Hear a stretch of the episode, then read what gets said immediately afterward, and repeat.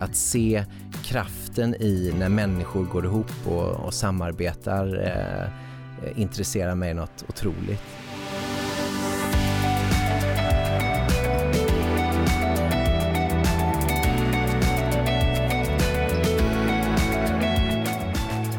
Hej och välkomna till Modebranschpodden. En podcast som genom att möta branschexperter och personerna bakom modets varumärken både vill sprida kunskap och erfarenheter lika mycket som att ta pulsen på och följa förändringarna inom just modebranschen. Modebranschpodden är ett initiativ av Navipro och K3 Business Technologies.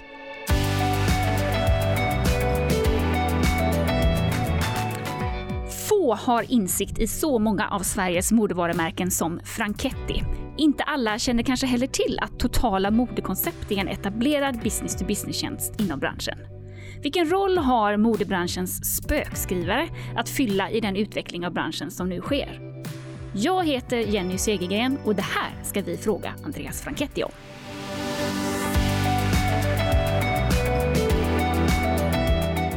Varmt välkommen Andreas Franketti. Tack så jättemycket. Du, eh, Franketti har funnits då sedan 1968 och är verkligen en del av den västsvenska textilindustrins mm. historia, eh, skulle jag vilja säga. Eh, men hur startade allt? Ja, men min eh, far var sann entreprenör. Född i Masthugget här i Göteborg av två italienska föräldrar. Och hade det rätt så tufft. Så han ville lyckas och flyttade upp till Stockholm och fann ett, ett säljande jobb inom kläder. Men ganska snabbt kände att han ville göra mer och då såg han just möjligheten att eh, lägga produktionen ute i framförallt Asien. Även om vi alltid har haft en närvaro i eh, Europa. Och, eh, och det var så det startade. Hitta liksom bättre produktionsupplägg där, bättre priser och eh, ja, så en av de första pionjärerna ut i, i Asien och Fjärran Östern. Vad skulle du säga liksom, var typiska element i din pappas eh, entreprenörskap? Oj, men han var ju enormt driven. Eh, lättare att förstå här nu i vuxen ålder, för när man var liten så han var ju borta mycket och li, eh, jobbet var allt för honom. Så att det var ju ett par resor ut varje år och varje resa gick ju på tre, fyra veckor.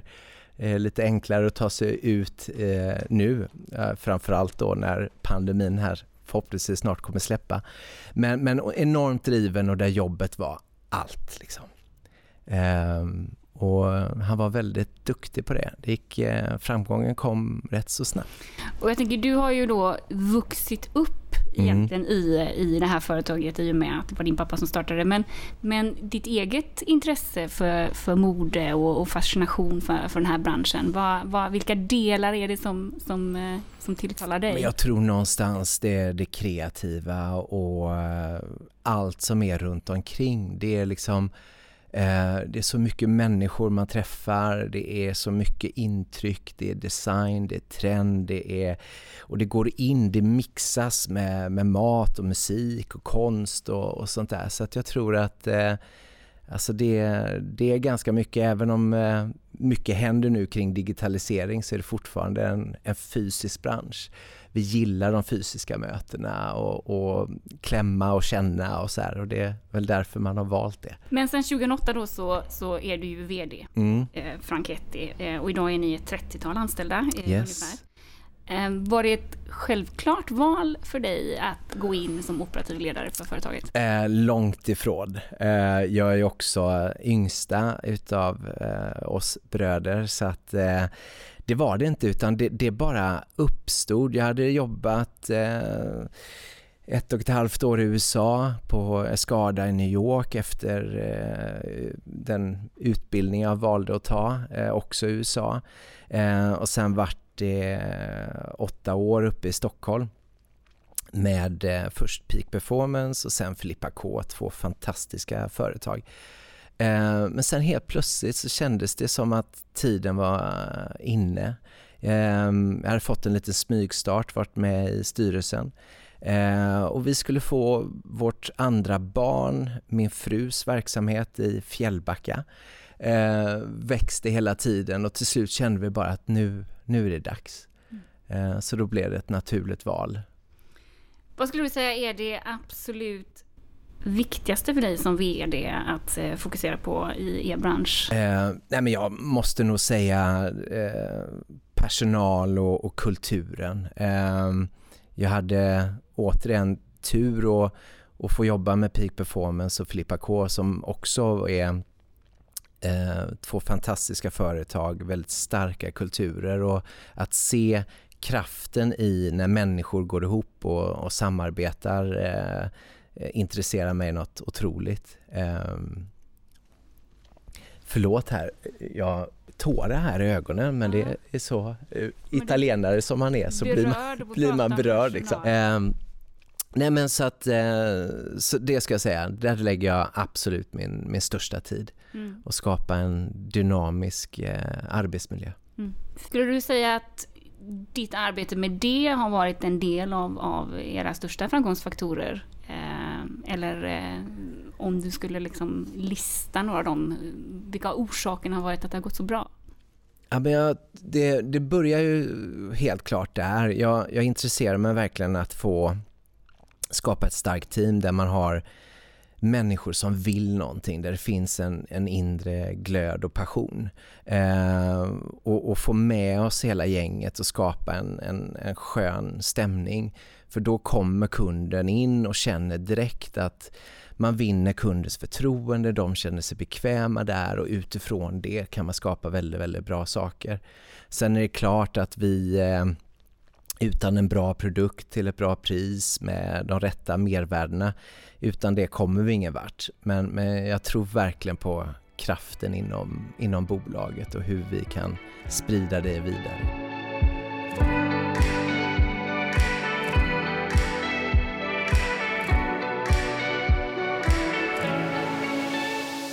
Utmaningarna då. För mm. med, med, med det ena kommer ju också eh, det andra givetvis. Men om, om du tittar på er verksamhet idag, vilka skulle du säga är de stora och mest affärskritiska utmaningarna ni har just nu?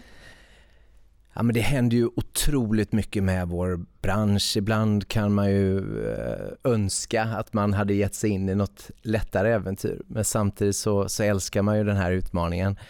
Men eh, inte minst här nu med pandemin när liksom allt stannar upp. Du kan inte resa ut till eh, fabrikerna och leverantörerna. Vi kan inte åka ut och trenda. Allt var man tvungen att liksom göra om. Eh, du har en total kaotisk situation i, i världshandeln och få hem varor och på det lägger sig ett fartyg på, på bredden i Suezkanalen och stannar upp allting. Um, och sen såklart, vilket är fantastiskt bra och viktigt, så uh, skruvas ju hela tiden uh, miljökraven åt så att man lever konstant i uh, en, en, en häftig utmaning. Men det är väl också det som gör det så himla intressant. Mm. Um, så det gäller liksom att hitta ens väg i detta, hitta ett lugn och en, en precision. Mm. Jag tänker på, eh, du beskriver ju då när du pratar om personalen att det är det är tydligt att det är en, en väldigt viktig pusselbit i ditt ledarskap också mm. då. Uh, under, en, under en ganska kaotisk tid nu då som det, det har varit. Vad, som liksom ledare rent personligt, vad, vad är de starkaste delarna som du har tagit med dig och lärt dig av, av det här senaste ett och ett halvt åren? Ja, men det, är, det har varit ett väldigt tufft år och det känns också lite som att det varit svårt att, att hela tiden vara tydlig. För tydlighet är ju väldigt, väldigt viktigt och, och kunna vara det och konsekvent. För det känns som att det har hela tiden kommit nya eh, råd och, och, och, restriktioner och förhållningssätt. Och, eh, vi var i mångt och mycket, eller är i mångt och mycket en fysisk arbetsplats. Hade inte förberett innan pandemin att, att jobba hemma och ha liksom två tredjedelar av personalen hemma och få det att funka. Så att det, det, det krävdes ganska mycket och, och någonstans är man ju väldigt mån om att nå ut till alla. Och det är svårt med 30 underbara medarbetare att, att liksom ha som sagt en tydlighet och, och, och, kunna nå ut till alla och få alla nöjda. Det är en omöjlighet, men du får hitta den här balansgången i det. Så att, eh, nej, man har suttit många gånger och, och funderat och vad man kunde gjort bättre men samtidigt så gäller det tror jag att våga vara liksom transparent och våga erkänna att förra veckans beslut var fel. Eh, eller nu har vi fått den här feedbacken, vi gör om. Så att eh, då får man liksom ta in det och bara ändra kurs. Franket är ju då, är då ett business to business eh, drivet företag och ni erbjuder då helhetslösningar avseende modekoncept kan man ja. säga ju eh, egentligen för, för skandinaviska modevarumärken. Alltså det här är ju då en nisch inom modebranschen som jag skulle säga gemene man kanske inte känner till så mm. väl. Eh, vad är det egentligen ni gör? Mycket bra fråga. Eh, nej men det är, vi, eh, utgångspunkten är ju såklart produktion av kläder. Eh, och förr i tiden så var det ganska enkelt för du skulle göra en, en bra produkt till ett bra pris och leverera det vid ett bestämt datum. Men nu är det så oändligt mycket mer. Eh, vi är ju då 30 medarbetare. Vi har eh, en stor avdelning som eh, sysslar med design och även direktris, alltså passform och siluetten. Så att vi skapar kundernas egna varumärken och 70-80% i alla fall designas från oss. Eh, och där gäller det väldigt mycket att liksom finna, ta reda på vem är kunden, ställa många frågor för att verkligen kunna leverera eh, en bra helhetslösning. Och sen är det som jag var inne på lite där, det är miljö, det är liksom CSR, vi ska ha en bra logistik, eh, 53 års kunskap i produktion och matcha rätt fabrik med rätt produkt som kunden vill ha. Eh, det är att säkra valuta och på många sätt genom att använda oss blir lite ett komplement till banken också. Eh, ska man göra det själv så ofta så ska man ligga ute med pengarna och risken och ansvaret och det kan vara rätt skönt att ha en samarbetspartner som oss då som, som kan delvis ta hand om det då. Så vi kallar det We make fashion fit your brand och eh, det blir just det att i och med att vi har så många olika kunder så har de olika behov och där gäller det för oss att lyssna in oss och skapa då ett varumärke som passar just för vår kund och i deras eh, sen då eh, slutkund. Mm. Om du skulle beskriva då en typkund? Ja, den är en av de svåraste frågorna faktiskt för att vi har en väldigt stor bredd. Eh, det spelar liksom ingen roll om du är helt nystartad eller varit med länge om du har små eller stora kvantiteter, om du är, driver egna butiker eller en kedja eller kör e-handel. Så jag tror att vår typiska kund är en kund som eh, Eh, är väldigt mån om sin produktion. Att hitta en stabil samarbetspartner där man kan ha ett långsiktigt eh, förhållande eh, och där man kan göra bra saker ihop. Och just att man vi vill gärna vara ja, men väldigt nakna och transparenta med varandra för det är just då du kan skapa någonting väldigt, väldigt bra. Eh, så att det är liksom en, en kund som vill ha hjälp med hela processen. Eh, då väljer man Franketti skulle jag nog säga.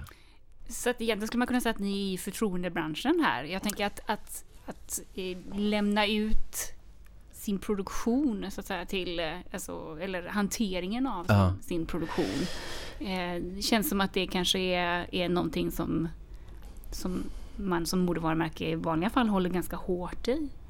Ja men verkligen. Eh, jag kan skämta om det ibland att det nästan känns svårare att släppa ut sin produktion till någon än att lämna sitt barn på ett dagis liksom. Eh, men det sitter väldigt mycket passion och, och hjärta tror jag i, i de flesta kreatörer. Och här är det någonting, ens, en, ens baby som man gärna värnar om och där gäller det för oss att i det samtalet få liksom kunden att förstå uppsidan i valet av oss och det är verkligen vårt jobb att få kunden att känna att Eh, även om vi inte är en, en naturlig del av kundens verksamhet så eh, så är vi eh, en del av deras produktion. Liksom, det ska vara enkelt att komma till oss, få svar. Vi reser gärna före pandemin och förhoppningsvis efteråt här, trendar ihop, vi åker till fabrikerna ihop. Det ska vara eh, det anser vi som en självklarhet att eh, vår produktion, det är ingenting dolt. Eh, kunden ska ha sett fabrikerna, vara stolt över det och kunna vara med och, och forma den. Mm. Och ni har fokus på Skandinavien? Yes. Ehm, vi eh, gör ju då produktionen eh, nästan uteslutande i Asien men vi har en, en närvaro i Europa också, det är viktigt. Ehm, men vi, eh, vi tycker Skandinavien är, vi är hellre en stor aktör, en mindre nisch än att som vissa kollegor vi har i, i branschen som har skapat stora utländska kontor och, och, och, gå på en internationell marknad så fokuserar vi på Skandinavien. Sen kan det ju vara att många av våra kunder har en distribution som är i, i 15-20 länder. Så att, eh, mm. Men Skandinavien är... Vi, vi, vill vara nära kunden. Eh, det ska vara naturligt att, att jobba med oss. Mm för oss som inte känner till så mycket kring, kring eh, just era nisch då, hur stor är marknaden för den här typen av, av eh, verksamhet? Mm. Jag skulle säga egentligen är den, den är ju oändlig för att eh, det konsumeras ju bara mer och mer eh, och det är någonting som vi också försöker liksom stävja och just tänka cirkulärt och, och, och hålla längre så här. Men, men eh, det är det som gör det så spännande för rent krast gör du kläder och produktion eh, så är vi en potentiell samarbetspartner för på något sätt så ska du länka din affärsidé och dina produkter med en fabrik och få hela maskineriet att fungera. Och antingen väljer du ju ett Franchetti som är i Kina eller Indien eller Turkiet eller som vi då som sitter i Sverige. Mm. Ehm, så att den är verkligen oändlig.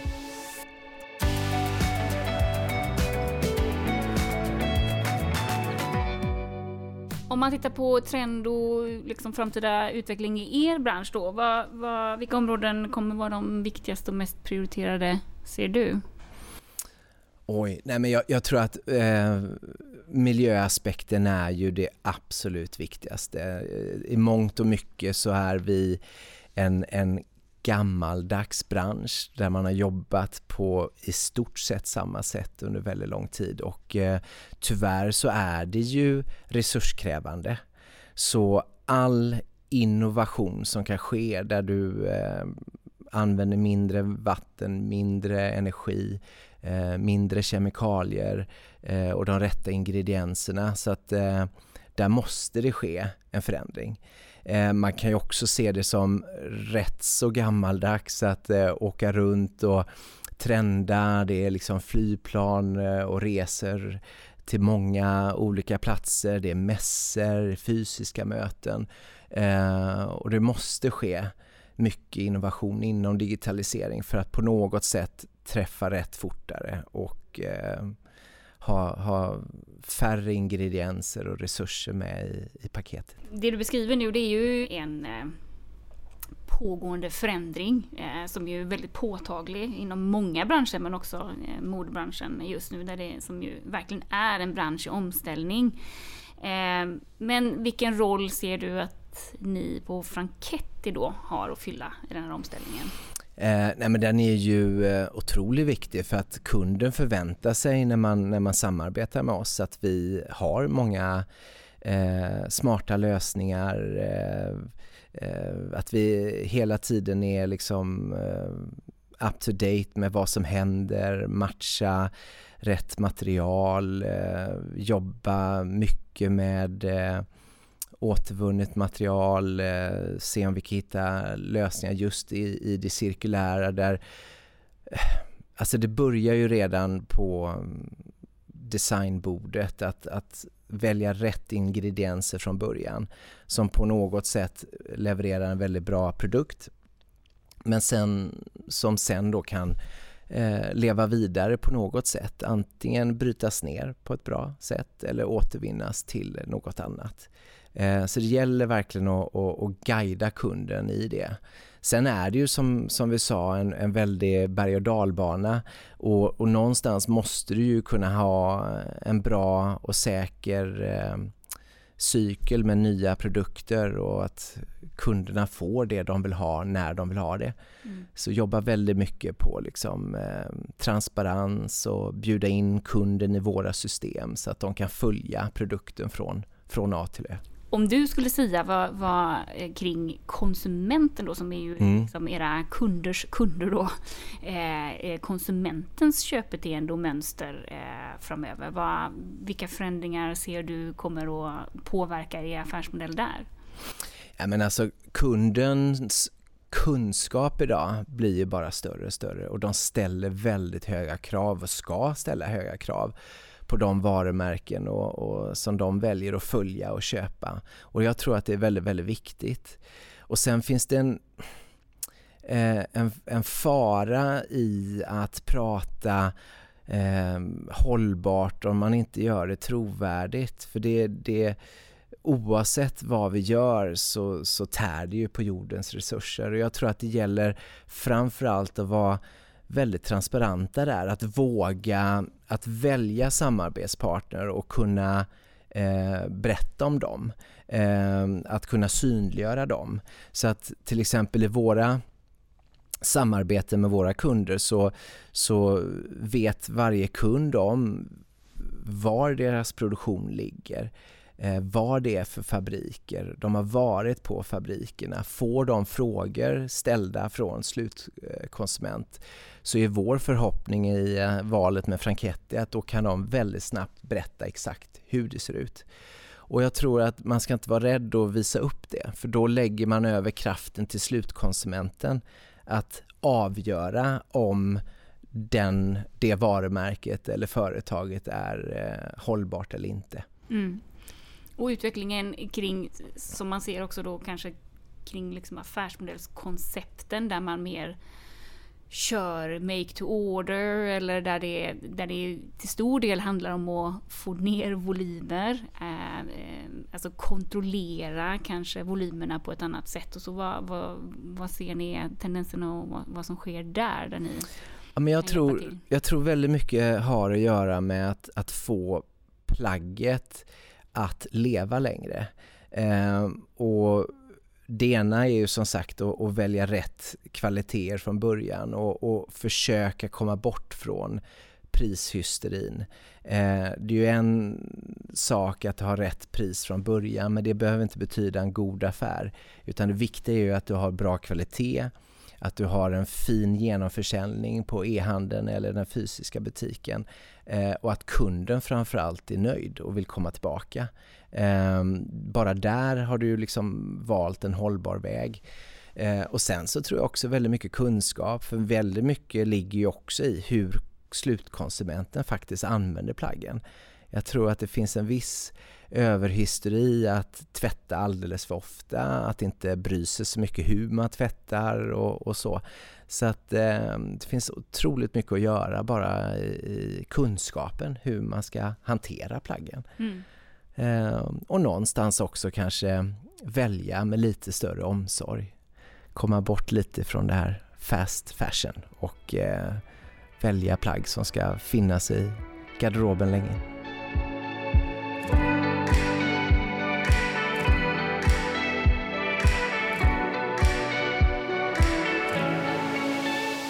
De här eh, poddarna så har vi ett stående inslag där vi gör en, vi tar lite grann tempen på mm. kan man säga på, gör en liten mindre branschspaning eller låter våra gäster göra en, en mindre branschspaning. Så, eh, eh, så jag tänkte att du skulle få ta tempen på några eh, områden här idag också. Så Andreas Franketti då. Eh, då tar du tempen på vilka är då möjliggörarna för att vara en mer hållbar modebransch? Nu har vi pratat om det lite grann. Uh -huh. uh, om vi, om vi eh, eh, ändå är lite mer konkreta då i, mm. det här blir svårt. verktyg? Eh, nej men jag, jag, jag, skulle verkligen säga att det är, ju, det är ju oss aktörer att på det här planet inte se oss som konkurrenter utan här är det bara vinningar om vi delar med oss av eh, framgångshistorier och innovation. Eh, och jag tycker vi är väldigt liksom, duktiga på det. Den svenska och skandinaviska modebranschen har ju kommit väldigt, väldigt långt. Man får inte glömma det. Eh, de flesta farliga kemikalier är utfasade och de nya som kommer in eh, tas om hand på, med största allvar och, och där man jobbar liksom vidare. Jag tycker vi har en eh, det krävs en väldigt tajt dialog med eh, de olika liksom, yrkeshögskolor och till exempel Textilhögskolan i, i Borås där det kommer nya, unga, drivna personer som ska in i den här industrin som har det som ett krav. Det här ska vara cirkulärt, det här måste vara mer hållbart och liksom skapa en brygga mellan oss som har varit med lite längre som behöver den här, det här kravet och, och, och önskan om eh, en cirkulär affärsidé. Eh, så ha en väldigt, väldigt tajt dialog med dem. Mm. Eh, Hur har man det då? Ja, men jag till exempel eh, har, har, fått äran att vara med i en ledningsgrupp eh, på Textilhögskolan och Yrkeshögskolan där. Eh, och eh, det är fantastiskt givande. Man träffar studenter, man träffar eh, professorer, eh, branschkollegor och eh, man lär sig något otroligt mycket och, och jag kan verkligen känna det att eh, det är inga hemligheter där. Man, man, delar med sig och det är då det skapas eh, snabb innovation som för oss åt rätt håll viktigaste tendenserna inom digitalisering i branschen eh, då? Mm. Eh, ah, otroligt svårt. Jag är ju, eh, alltså som, som, man läser mycket om, butiksdöden och e-handlarna som bara växer och, och, och tar mer eh, plats. Eh, Eh, jag tror att den fysiska eh, liksom butiken där behövs väldigt mycket innovation för att eh, jag tycker de har verkligen ett berättigande. Jag själv älskar retail och är sprungen ur, ur retail och butik. Eh, där man måste erbjuda kunden en, en, en starkare upplevelse. Eh, större flexibilitet, eh, click and collect och, och, och, och kunna bjuda in andra samarbetspartners som, som berikar själva shoppingupplevelsen. Eh, men sen annan eh, form av eh, alltså, digitalisering, jag tror dels att man kommer se bara hur man ser med till exempel företag som Apple och Google och så här, att du kommer kunna gå in både i e-handeln och, och, fysiska butiken och, och liksom ta på dig ett par liksom glasögon där du poppar upp eh, erbjudanden och där de lär känna dig som kund genom historiska köp och guida dig till de rätta valen. Så det är enormt spännande saker som, som sker. En viktig grej är ju 3D-printing, eh, tror jag är superviktigt. Du kan mycket snabbare skapa prover, cellprover eh, som då tär mindre på liksom, eh, resurser. Eh, och eh, även just där det kanske ändå ska få vara fast fashion så kan man ju då i framtiden, tror jag, göra kläder som eh, lever upp till det ändamålet och som sen kan eh, helt och hållet återvinnas. Så att det är en eh, otroligt spännande tid som vi har eh, framför oss här. Mm. Och om man tittar på Franketti då specifikt, hur, hur, tror du att era affärsprocesser och arbetssätt kommer att påverkas av digitaliseringen? Ja, men enormt. Jag tror eh, vi ska väl inom det närmsta året titta igen då på att uppdatera vårt affärssystem och där måste ju hela grunden utgå från att, att kunden ska kunna få leva mycket mer i, i vår affärsvärld och i våra processer eh, helt och hållet eh, eftersträva full transparens. Att oavsett om du har en egen produktionsavdelning eller en samarbetspartner som oss så ska liksom kunden kunna följa varje steg. Mm. Eh, och sen så, så är det klart att vi bara är det lilla, eh, att jobba väldigt mycket med eh, eh, videokonferenser, eh, videomöten och i videomöten inte tappa eh, kreativiteten och det här liksom skrädderiet som det ändå är med kläder. Att kunna lätt plocka fram detaljer och, och prata om även om du inte sitter eh, vid samma bord. Mm, ett fortsatt fokus på hantverket helt enkelt. Ja, men definitivt. Ja. Det hoppas jag att vi aldrig släpper helt och hållet. Slutet på barometern här då, dina tre bästa tips för tillväxt? Nej, men jag, jag skulle faktiskt eh, börja någonstans med, alltså för att nå extern tillväxt så måste du börja med det interna. Eh, att verkligen stanna upp ibland och liksom fånga alla hjärtan man har i bolaget, alla medarbetare och, och, och gå igenom liksom affärsidé, mål, visioner och få alla ombord på det. Eh, det ska vara tydligt för att eh, jag vill ha 30 ambassadörer som i vilket sammanhang som helst kan prata bra om Franketti och förstå sig på hela liksom, processen. Eh, för då helt plötsligt har vi 30 säljare och inte bara de som har en titel säljare. Eh, så jobba väldigt mycket med det och hela tiden se till att det lever. Sen eh, är jag, jag älskar en, en stark kultur. För mig så vill jag fånga drivna människor och då måste jag ha, eh, erbjuda någonting som gör att de väljer oss som eh, arbetsgivare och, och drar sig till oss. Och sen till slut och såklart så måste ju vi eh, leverera en fantastisk produkt, ha en hög modegrad och liksom förstå sig på våra kunders behov. Så där blir det ju liksom att någonstans tror jag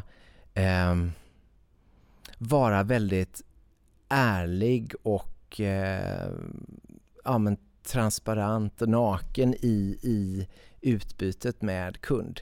Jag tycker att det finns så många nu kommer jag nästan använda ett svärord här då, men, men det är så mycket bullshit och jag tror att man är väldigt trött på det. Och man ska hitta på vad man ska vara.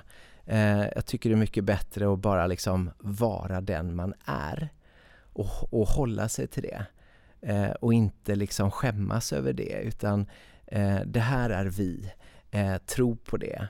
Eh, och då är jag övertygad om att kunderna hittar oss och i det blir det ett, eh, ett fint samarbete och då mm. kommer tillväxten i det. Inför att vi skulle träffas idag så eh, var jag ju inne och läste på er eh, hemsida kring historiken för, för Franquette och där eh, stod det väldigt fint beskrivet att då för drygt 50 år sedan så, så tyckte då Romeo Franchetti att svenskt mode behövde uppgraderas och det var ett av hans incitament helt enkelt mm. för, att, för att starta eh, Franchetti. Men på vilket sätt ser Andreas Franchetti nu då så här 50 år senare drygt Eh, att svenskt eller skandinaviskt mode har eh, behov av att uppgraderas? Eh, jag, jag ska börja med att säga att eh, jag känner en stor stolthet att, att eh, vara en del av det svenska och skandinaviska liksom, modebranschen och, och jag tycker att branschen generellt sett har kommit väldigt, väldigt långt eh, med hållbarhetstänket med att lägga mycket tid och resurser eh, på att skapa de rätta förändringarna. Eh, så att jag skulle bara vilja uppmuntra oss alla att bara fortsätta på den resan för det händer fantastiska saker och jag vet att övriga världen ser upp till hur vi outtröttligt eh, kör detta framåt för att eh, minska vår, våra fotspår. För det är någonting som vi måste göra. Eh, och jag tror att vi eh, det finns en bra dialog med, med politiker. Eh, jag vet att det är eh, ett stort fokus nu på producentansvar och på något sätt eh, finna ett enklare sätt att eh, återvinna och återanvända klädesplagg när eh, livscykeln börjar gå mot sitt slut. Eh, jag vet att H&M och IKEA och tillsammans med eh, innovatörer jobbar extremt mycket nu med liksom skogens produkter och se hur det kan överföras till eh, eh, en bra kvalitet och använda av i, i kläder och klädproduktion. Eh, jag tror att det kommer medföra att delar av produktionen kommer hitta tillbaka till Skandinavien och Sverige, vilket bara i sig är väldigt, väldigt bra. Eh, så att, eh, och, och någonstans som också har tagit upp tidigare här, att, att inte se varandra som konkurrenter på det här planet utan bara dela med oss av eh, framgångsrecept och eh, eh tillvägagångssätt så att vi guidar varandra framåt här. Andreas Marchetti, tusen tack för att du var med idag. Tack själv, det här var jättekul och spännande och tack att du tog hand om mig sådär. tack för att du har lyssnat. Modebranschpodden är ett initiativ av Navipro och K3 Business Technologies. Missa inte nästa avsnitt av Modebranschpodden där vi möter Louise Sin, designen bakom Louise Sin Couture och vinnare av årets Fabric of Life Award. Jag har alltid sett mode ur ett konstperspektiv och för mig konst är ett sätt att uttrycka sig, ett sätt att berätta om hur samhället var